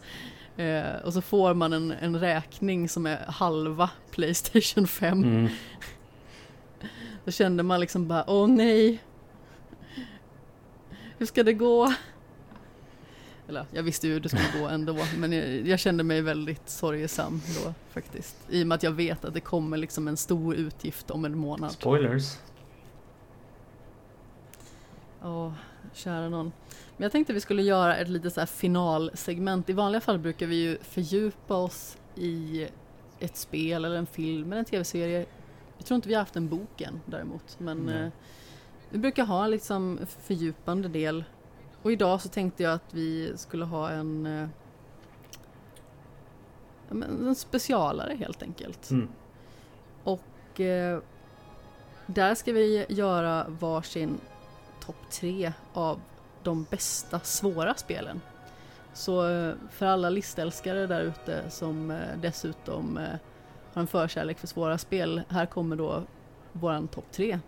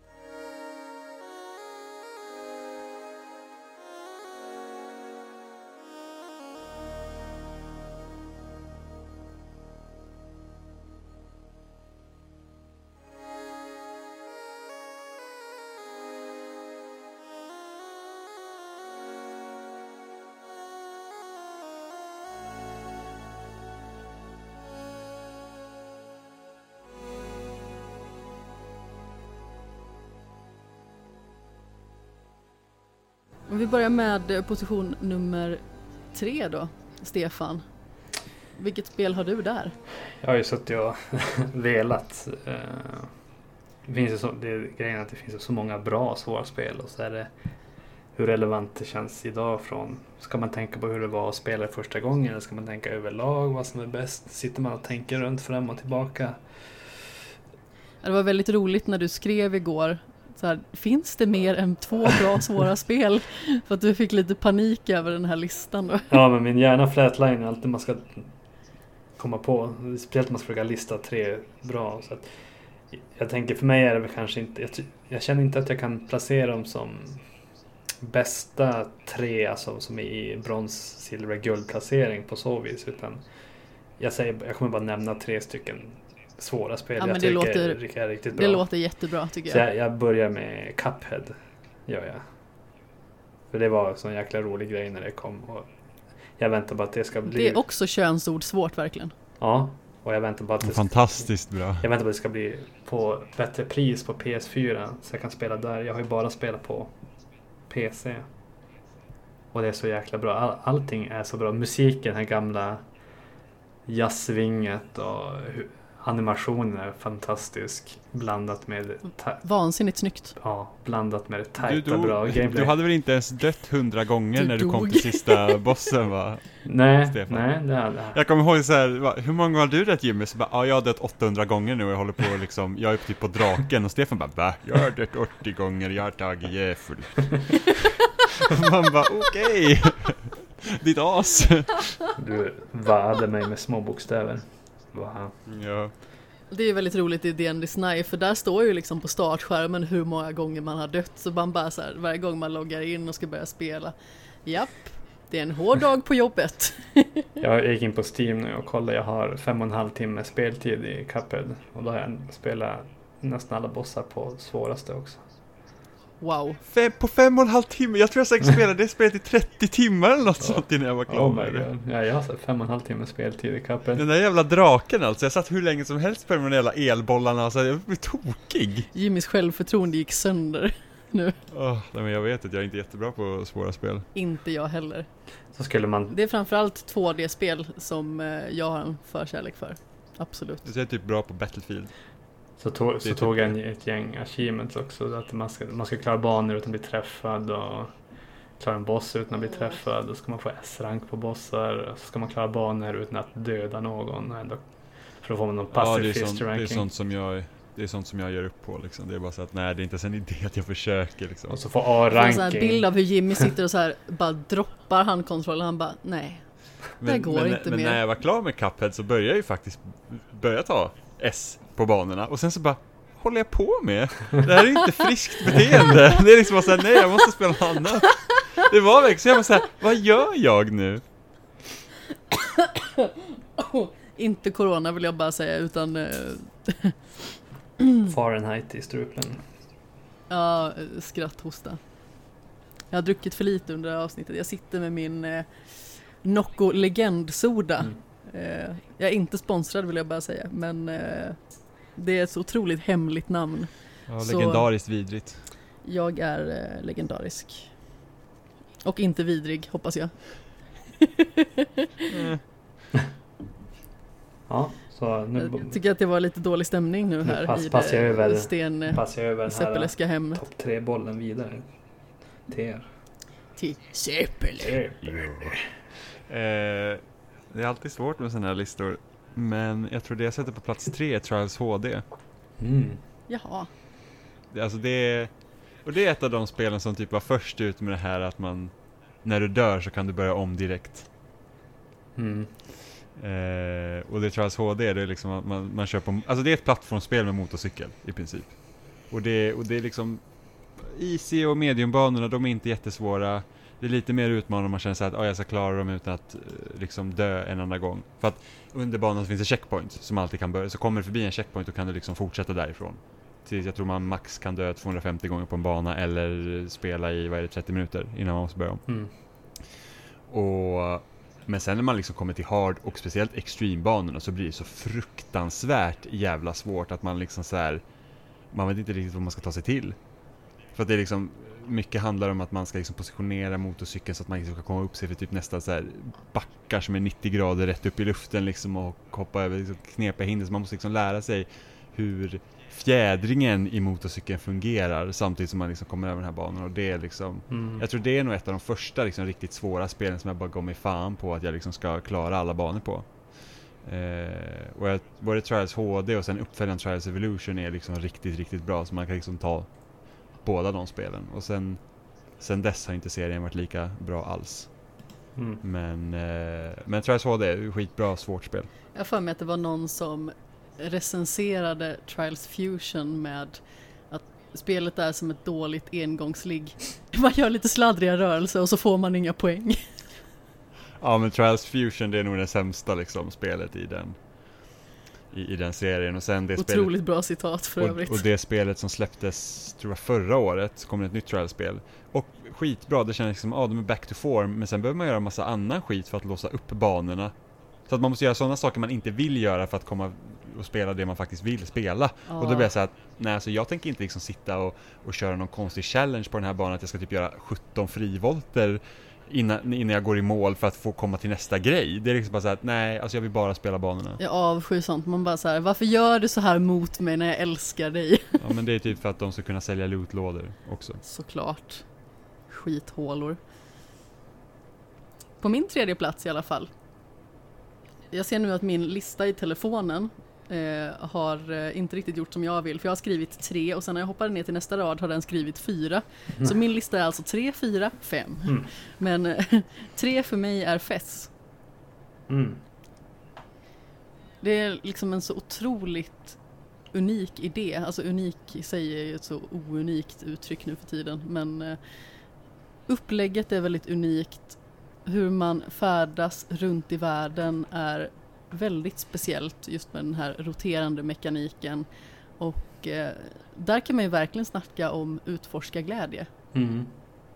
på ett helt annat plan.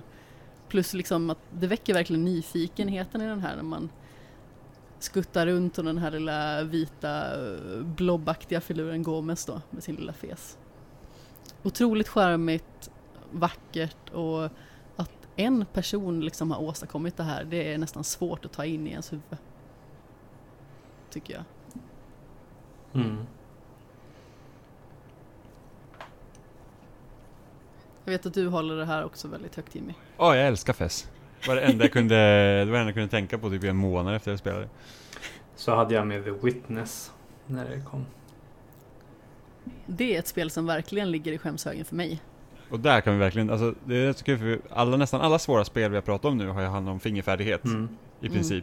Men The Witness, det är så här mental prövning för att det är liksom, alltså så många sessioner där det är så här, jag har så jävla huvudvärk för att jag har använt hjärnan på ett annat sätt. Jag hade huvudvärk när jag spelade Braid kan jag säga, för där är det ju både liksom klurigt i att man ska komma på hur man ska göra och att man verkligen ska få grepp om vad hela spelet handlar om.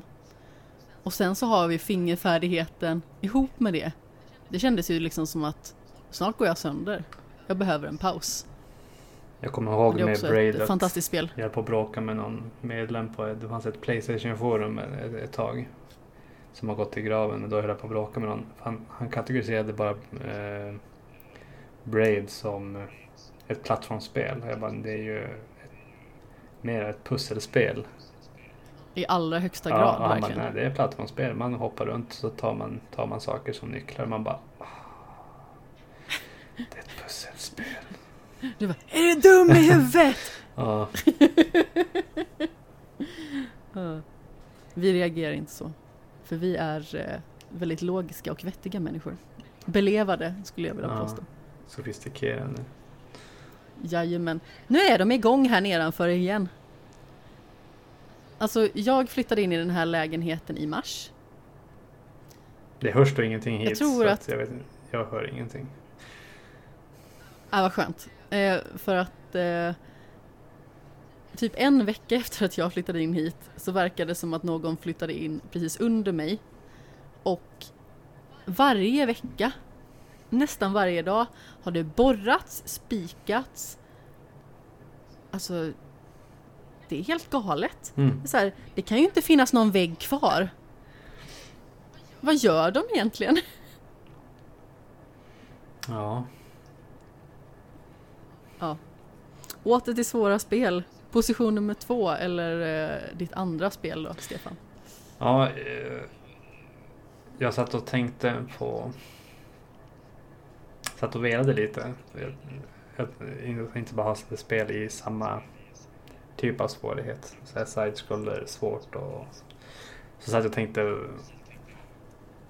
Först jag tänkte på Bayonetta bland annat. Alltså det den typen av spel. Så här Platinum Games. Det är ju svårt på ett sätt. Och så, så i sommar, eller ja i somras, när jag spelade lite Wonderful 101 också. Som också är samma studio. Det var svårt. Det är svårt. Det, jag gillar mekaniken i alla de där spelen. Och, alltså att, att man, ska, man känner sig skitdålig i början fram tills man lär sig spelet. Och då blir man helt plötsligt svinbra och känner sig duktig. Men det är spelet som har fått den bästa sådana känslan av mig. Eh, är Bloodborne. Jag gick igenom alla spel där man slåss i, i, och kom fram till att Bloodborne. Helvete vilket spel det är. På alla sätt. Jag gick in i en gränd och dog. Det är min kontenta av det spelet. Det gjorde jag också. Är, I början finns det en stor snubbe eh, med en stor yxa i en gränd bakom några lådor. Så jag gick in dit och bara, jag ska gå hit och lära mig parera. Jag går inte ut därifrån för jag kan parera och, och vinna mot den här snubben innan jag går vidare. Jag tror jag fick en minneslucka efter det. Ja. Jag blev så rädd. Nej, så att... Eh, Ja, jag sett Bloodborne är ett fantastiskt spel. Bloodborne och sen köpte jag all DLC. Och jag kände jag kunde inte bli klar förrän jag hade maxat det. Och även efter jag bara, jag vill ha mer. det kom inget mer. Har du spelat Sekiro, Stefan? Nej, det ligger i den här fina högen här. Och samma... Jag köpte Dark Souls 3 på rea. Spelet och all DLC för, låg på 140 spänn på Playstation Store någon månad. Då köpte jag det. Så tänkte man, det här vill man spela. Och så håller man på med annat. Ja, jag har ju både Dark Souls 1, 2 och 3 som jag ska spela ihop med Emma och Robin så att det lär aldrig hända. Varför inte då? jag tror inte att det finns liksom den tiden att ta igen. För att inte bara det, för Dark Souls fungerar liksom så att vi kan inte spela alla tre samtidigt, liksom så här att och vi kör igenom spelet tillsammans utan då måste vi också klara spelet tre gånger. För då blir det så att, ja men då kör vi det här området kanske på Emmas profil. Liksom Emmas, vi hjälper henne att ta sig till den bossen. Sen när hon har gått igenom den bossen, sen kan inte vi följa efter henne längre för vi har inte klarat den bossen. Så då måste vi göra det med en till och en till. Mhm. Och så har de barn och grejer så att jag tror inte att det finns, jag tror inte det kommer finnas tid för det. Men jag har alla tre spelen som jag inte kommer kunna spela som jag lovat att spela med dem. Jag är nyfiken då, är Sekiro på plats två? Ja. Det var det jag Aha. tänkte att jag... Tänkte att det skulle bli en liten överbryggning där, din Ja, lilla jag smygare. tänkte det, men jag funderade, jag funderade på om jag skulle sätta The Witness här också. Jag tänkte, nej men jag tror jag tar Sekiro. Jag tror att överlag så tycker jag nog Blood, om Bloodborne mer, men det, varför jag tycker att Sekiro är så speciellt där när det just kommer till sin svårighetsgrad är att du kan verkligen inte få någon hjälp i Sekiro. Mm. Du är verkligen själv. Du kan inte liksom döda massa fiender för att levla upp och bli starkare, utan du får liksom din liksom nya power när du dödar en boss. Mm. Så att kommer du då till en boss, så då gäller det liksom att, nej nu är du här tills du har klarat den för att liksom kunna bli starkare. Det suger att vara du helt enkelt. Ja, lite så. Eh, och det är liksom att, precis som i Bloodborne när man kommer till Fader Gascoigne, så är det så att när man kommer förbi Fader Gascoigne, då känner man, då har man ändå ganska god pejl på spelet och känner så att, ja men det här kan jag göra. I Sekiro så är det typ, när man har nästan kommit till liksom halva spelet, då kommer man till den bossen så här, okej men nu måste du lära dig parera och du måste lära dig liksom alla de här olika svärdattackerna och sånt. När du kan dem, då kan du ta den här bossen. Vad är den heter? Genichi då? Eh, Ja, Gen Genichiro tror jag det heter. Mm. Och när man, när man liksom kan ta honom, då känns liksom resten av spelet möjligt. Eh, för att den bossen kräver att man lär sig spelsystem. Eh, och jag gick ju liksom hela första halvan i det spelet var det verkligen så att så fort jag kom till en fiende eller liksom boss som jag inte hade mött förut, så var det så här, det här är kanske stället jag måste liksom, jag kommer inte längre för att det är så svårt. Mm. Men sen när man väl gör det så är det ju väldigt givande. Kul att vi vill ha samma studio på som andra. Mm. Det kommer inte jag göra, för att den här typen av spel Alltså de klickar inte med mig överhuvudtaget. Svåra spel i tredimensionell vy Det funkar inte för mig, jag vet inte. Det är som att det liksom Har du provat rätt kombination med könsord då när du spelar? Det blir det bättre då? Nej, Jag kanske inte har gjort det. Har du lust att liksom skriva upp någon form av... eh, Min go-to-lista. Ja men precis, topp fem könsords-kombinationer för att klara Ja, eh, From Software-spel. ja ska jag snickra på en sån. Ja men det är bra. Det, vi får nästan lägga upp det i efterhand då. Ja. Men eh, som sagt, tvådimensionella spel däremot, där kan jag bli en riktig eh, envis bergsget och eh, verkligen traggla mig igenom eh, det mesta. Såvida inte det är svårt för att det är dumt utan att det är svårt på rätt sätt, som jag brukar säga. Och eh, på min plats nummer två är Super Meat Boy. Mm. Det är så kanontajt verkligen.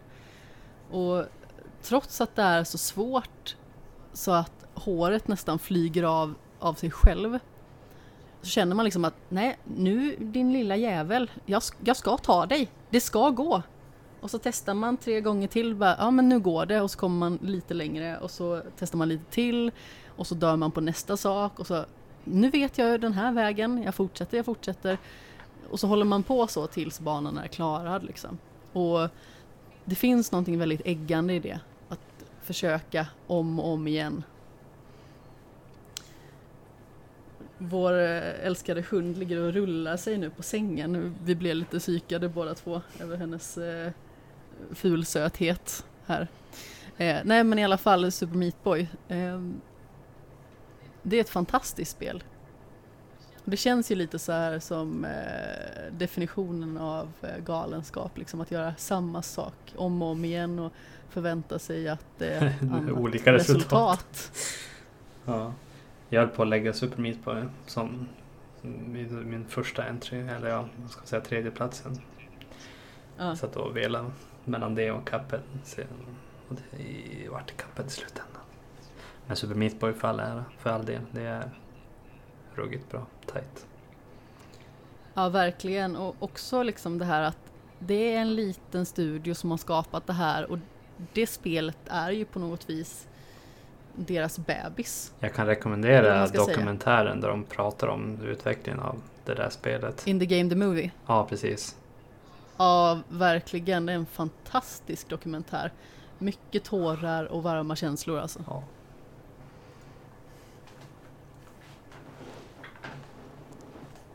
Och just liksom hur hela spelet bygger i någon form av eh, känsla av eh, man är rädd att eh, saker ska gå snett liksom när man ska bilda familj och, och sådant. Mm.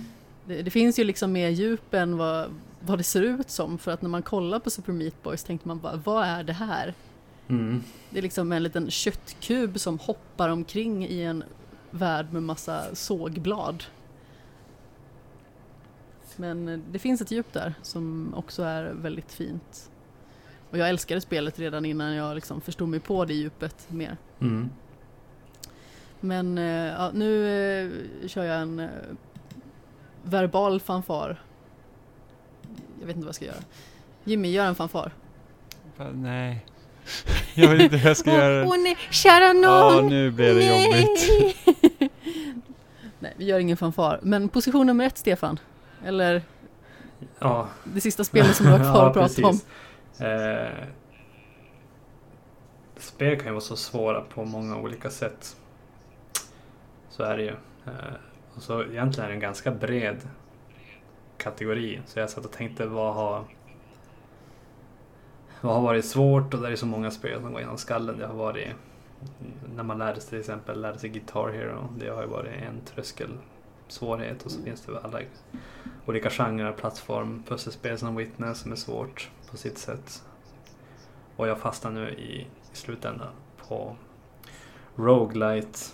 genren. Och där hade jag två kandidater som skulle ta på den här platsen. Och då var det först Dead Cells som är lite Metroidvania-aktigt. Och så är det svåra strider där man måste lära sig dodga och, och där man tänker när man dör, ja bara en gång till, man kör igenom. Men den vinnande platsen för mig vart i slutändan Enter the Gungeon. Som är en blandning av roguelite och en bullet Hell. Ish. Man ska dodga kulor och... Eh, och jag tycker det spelet är så pass kul varje gång man spelar för det känns som att man spelar som ett, vad ska man säga, ett... Det känns som ett helt spel i sig. Eh, varje runda för man har som fem världar man ska som har en boss i slutet som lite gamla spel har samtidigt som man, det handlar mycket om att lära sig fiendemönster och precisionshoppa när man ska dodga och blandas med de här random elementen som eh, roguelites har. Det här med random layout på banorna och vilka vapen man får som kan helt och hållet eh, diktera om hur lätt man ska få det och inte. Och så den Mm. stora mängden bossar också. Och blandat då med roguelite-genrens eh, hur man gör eh, så här, heter det, permanenta uppgraderingar och låsa upp saker i The Gungeon och mer vapen och saker som händer. Mm. Så att Enter the Gungeon säger jag. Det är, om ingen, folk inte har spelat det kan jag absolut rekommendera det. Du hamnade i skämshögen. För undertecknad. Ja. Jag har inte spelat det. Jag har spelat det. Jaha. Jimmy Seppele har spelat Ja, det. Åh. det har jag gjort.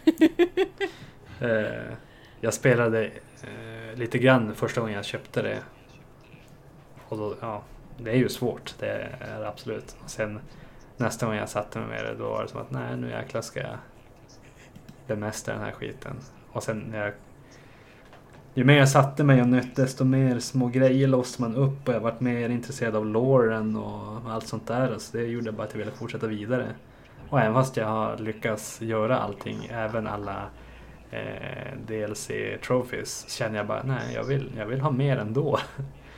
Och eh, det kommer mer i Exit the Gungeon. Det är som en uppföljare där man ska ja, dra därifrån. Det är som ungefär samma upplägg, lite annorlunda. Mm. Spännande. Mm. Ja, det var det. Var det.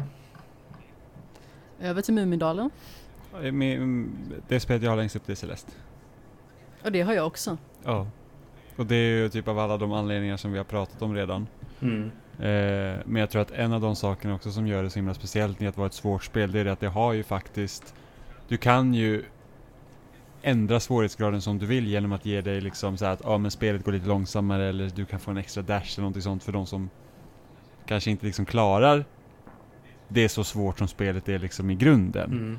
Eh, och jag gillar också det att utvecklingen säger att ja, men du kan ändra om du vill. Vi rekommenderar att du inte gör och försöker liksom, men det är inget fel i att misslyckas och, och, och liksom känna att du säger att nej men alltså du vill kanske se storyn eller det är liksom av, av olika anledningar så är det kanske en viss grej man inte klarar av. Så kan man liksom ändra det. Det är inte bara så här easy, medium och hard utan det är liksom, du har en svårighetsgrad och sen får du bara, nej men alltså jag känner att spelet är lite för snabbt, då kan man sänka hastigheten. Eller jag känner att hade jag haft en dash till så hade det här varit lite lättare, så kan man göra det. Mm. Eh, men eh, det är liksom just det här med att det pushar en så hårt att man liksom säger att det är tufft men de tror liksom att man kan klara det. Vilket jag tycker gör det så speciellt. Mm. Jag gillar hur de har, Alltså- spelutvecklarna har gjort det spelet. Att de har, i grund och botten är det ett väldigt utmanande plattformsspel. Och, men ändå gjort så här, vad ska man kalla det? Ja, underlätta för folk som vill ha lätt, lite mer accessibility så att mer ska kunna uppleva den här historien och spelet. Eh, men ändå att de har inte riktigt gömt att du kan ändra men de, de lägger tydligt att man kan fixa hur man vill ha det och samtidigt står det att vi rekommenderar det här läget.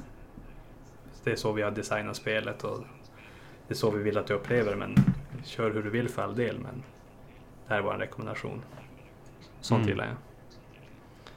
Ja, alltså Celeste är ju ett spel som verkligen vrider och vänder på begreppet svårighetsgrad, skulle man väl kunna säga.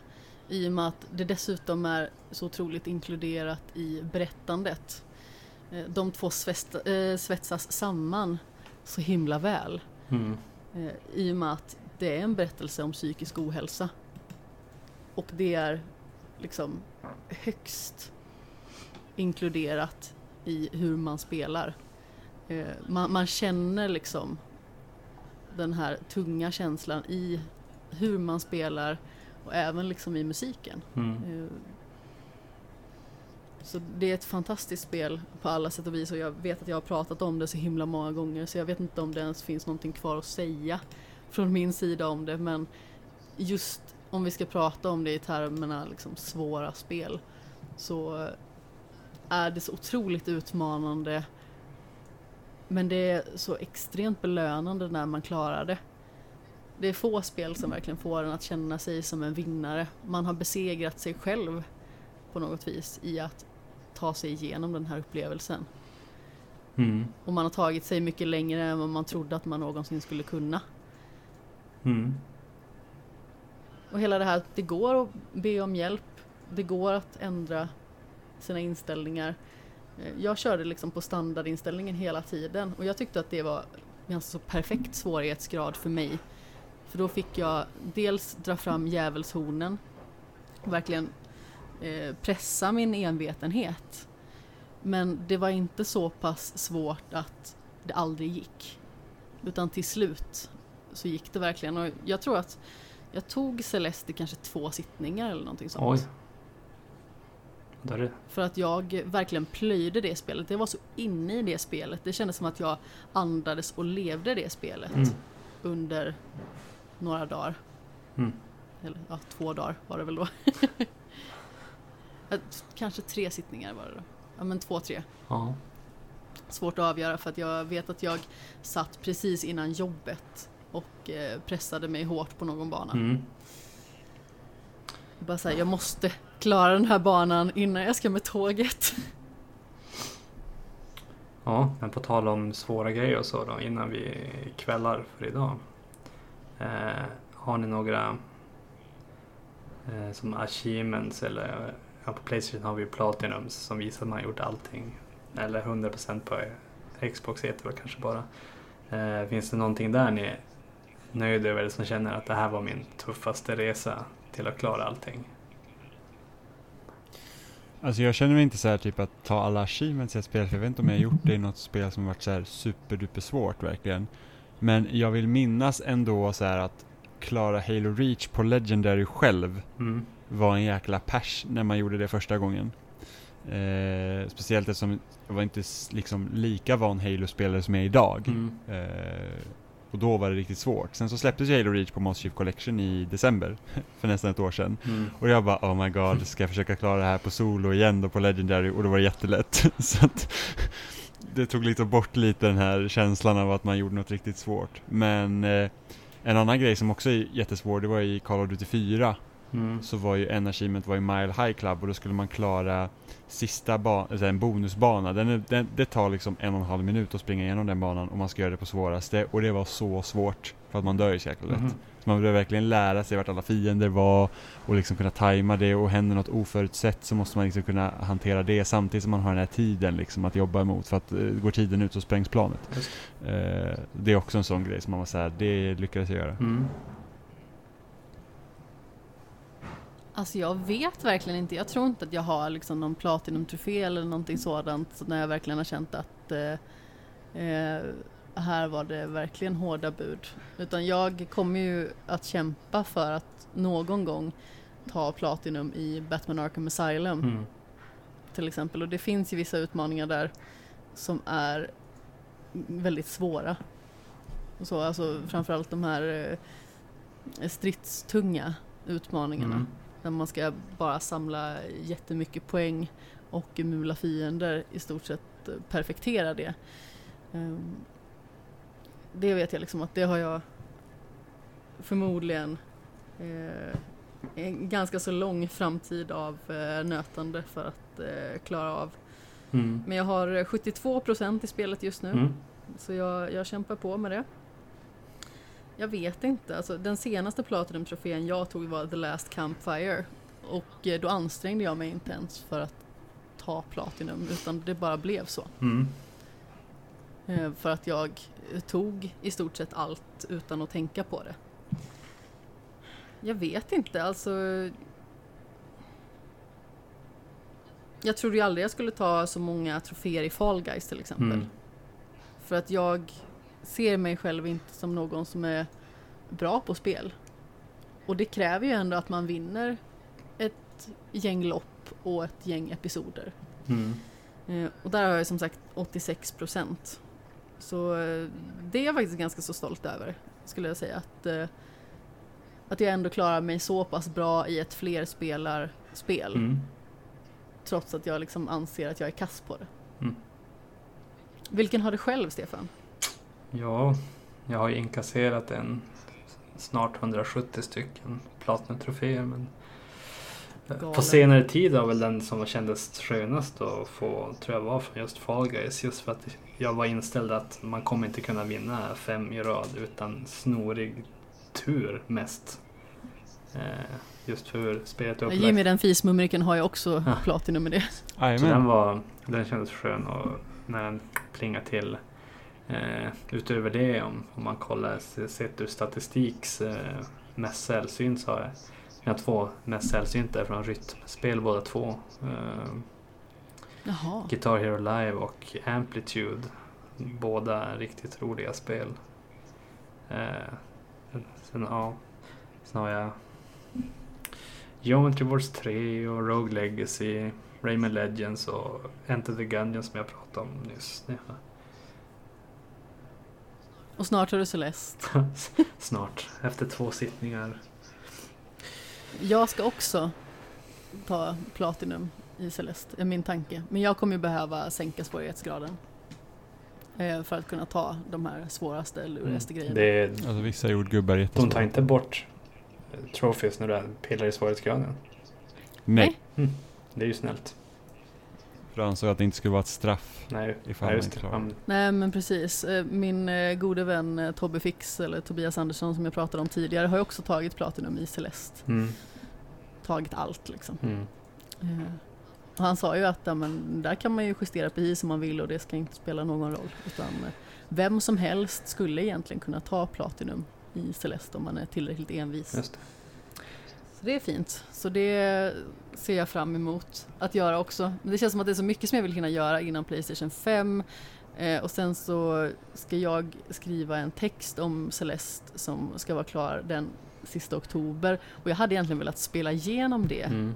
innan dess. Mm. Så det är väl det jag får spela på Playstation 4 härnäst då. För det känns ändå överkomligt på något vis. Ja. Annars visst. Sen har jag ju liksom eh, Hades och Ori and the Will of the Wisps på switchen. Ja. Annars sådana som har varit nice när man plingar till det är ju som när man jag tog Platinum i Witness. För, det, för det finns the challenge i slutet där allt slumpas. Och du ska, alltså pu- pusslen slumpas ska du hitta rätt väg igenom så går det på tid också. Och när man överkom den tröskeln då var det så här, åh, jag är äntligen klar.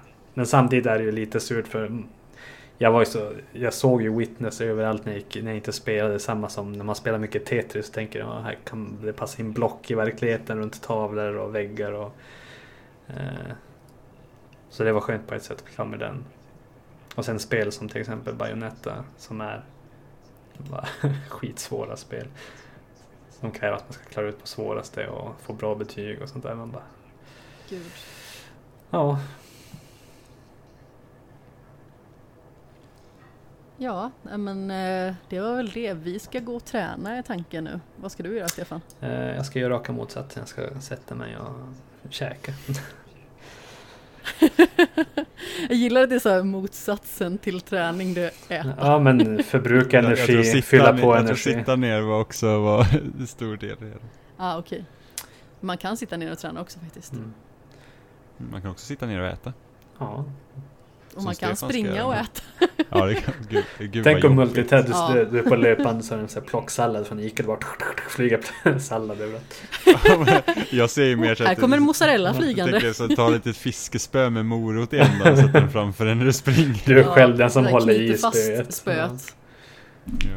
Knyter fast spöet liksom på ryggen och så får Ja. man springa efter moroten. Ja, Ja. nej, så får det bli. Ja, men vart hittar man dig för någonstans då? Ja, alla fall. jag, är- jag är inte en av de här ny, ungdomarna med era nymodigheter. Så jag är ju inte, existerar ju inte på Twitter. Eh, Hur mycket man nu Va? kan kalla Twitter nymodigt som är typ 12-13 år ja, gammalt. ni och era ungdomar och era jäkla appar och gadgets ni har. Stefan hänger på Lunarstorm. Ja, Eh, nej, men utöver det MySpace. Åh nej. Nej men jag finns på Youtube under mitt egna namn. Stefan Norlin. Där jag för det mesta lägger upp mina tappningar och covers av spelmusik. Och det sker inte allt för ofta. Av någon anledning. Det är också en sån här skämshögsgrej. Saker att göra klart på den fronten också. Eh, och så hör ni mig i introt på Spelsnack på stunden. Ja, det gör det. I cirka 55 avsnitt till. Ja, Sen blir det en ny Stefan-version kanske. Sen blir, sen blir det en ny version. Ja. Kanske Stefan. Ja. Kanske, det beror på om Robin eh, inte vill göra det. ja. Ja. Vi ser ju. Vi hyr in dig Stefan. Ja. Vi vet var du bor. Inte för att vi kommer ta oss dit. Jag vet var din postlåda I bor. dare you, komma hit. Ja, Jag vet inte, jag trivs i Ja, civilisationen. just det. Jimmy är rädd för att stöta på björnar. Jag har knutit fast min vaktren här ute så att Mm. Det är lite jobbigt när man ska ut och bajsa i skogen och få liksom sitta bredvid en björn. Och så är det minus 45. Kommer du hit ofta? Ja, Ja, minus för 45, ja. Ja. precis. tre och en halv meter snö. Du vet hur det brukar vara. Ja. Ja, Två- hårt Två mil till affären i uppförsbacke. Och... Så uppförsbacke hem också. Plumsa i snön där. Och... Jag tror Umeå är det stället högst upp i landet jag har varit i. Mm.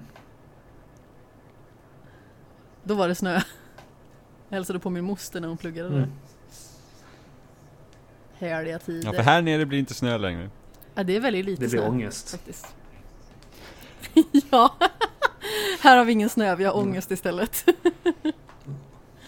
oh, vad Jämna skurar. Mm.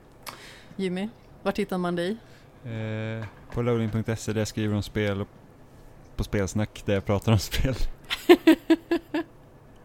Och eh, ja, man hittar ju eh, mig på snabel kapten Sten på diverse sociala medier och eh, jag skriver också om spel och pratar om spel i loading respektive spelsnack. Skämshögen hittar man på snabela Skamshogen på Twitter och Instagram.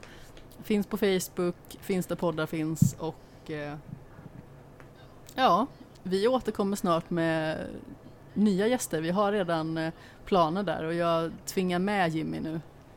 Typ alltid. I stort sett. Han är inte så tvingad, han vill faktiskt vara med. Även att han inte erkänner det. Nej, jag sitter fast här kedjad runt stolen. Kedjad. Det är ju Ja. rep. Och så fort, jag inte, så fort jag inte öppnar munnen så får jag en elstöt i sidan så att jag måste prata. Jag sitter med en sån liten eh, chockpistol liksom. Ja. Rätt in i stinky. Nej! Uppe i Mumindalen. Ja, nej, men vi säger väl det. Puss i ljumsken. Hej då. Hej då. Nej, så jag inte.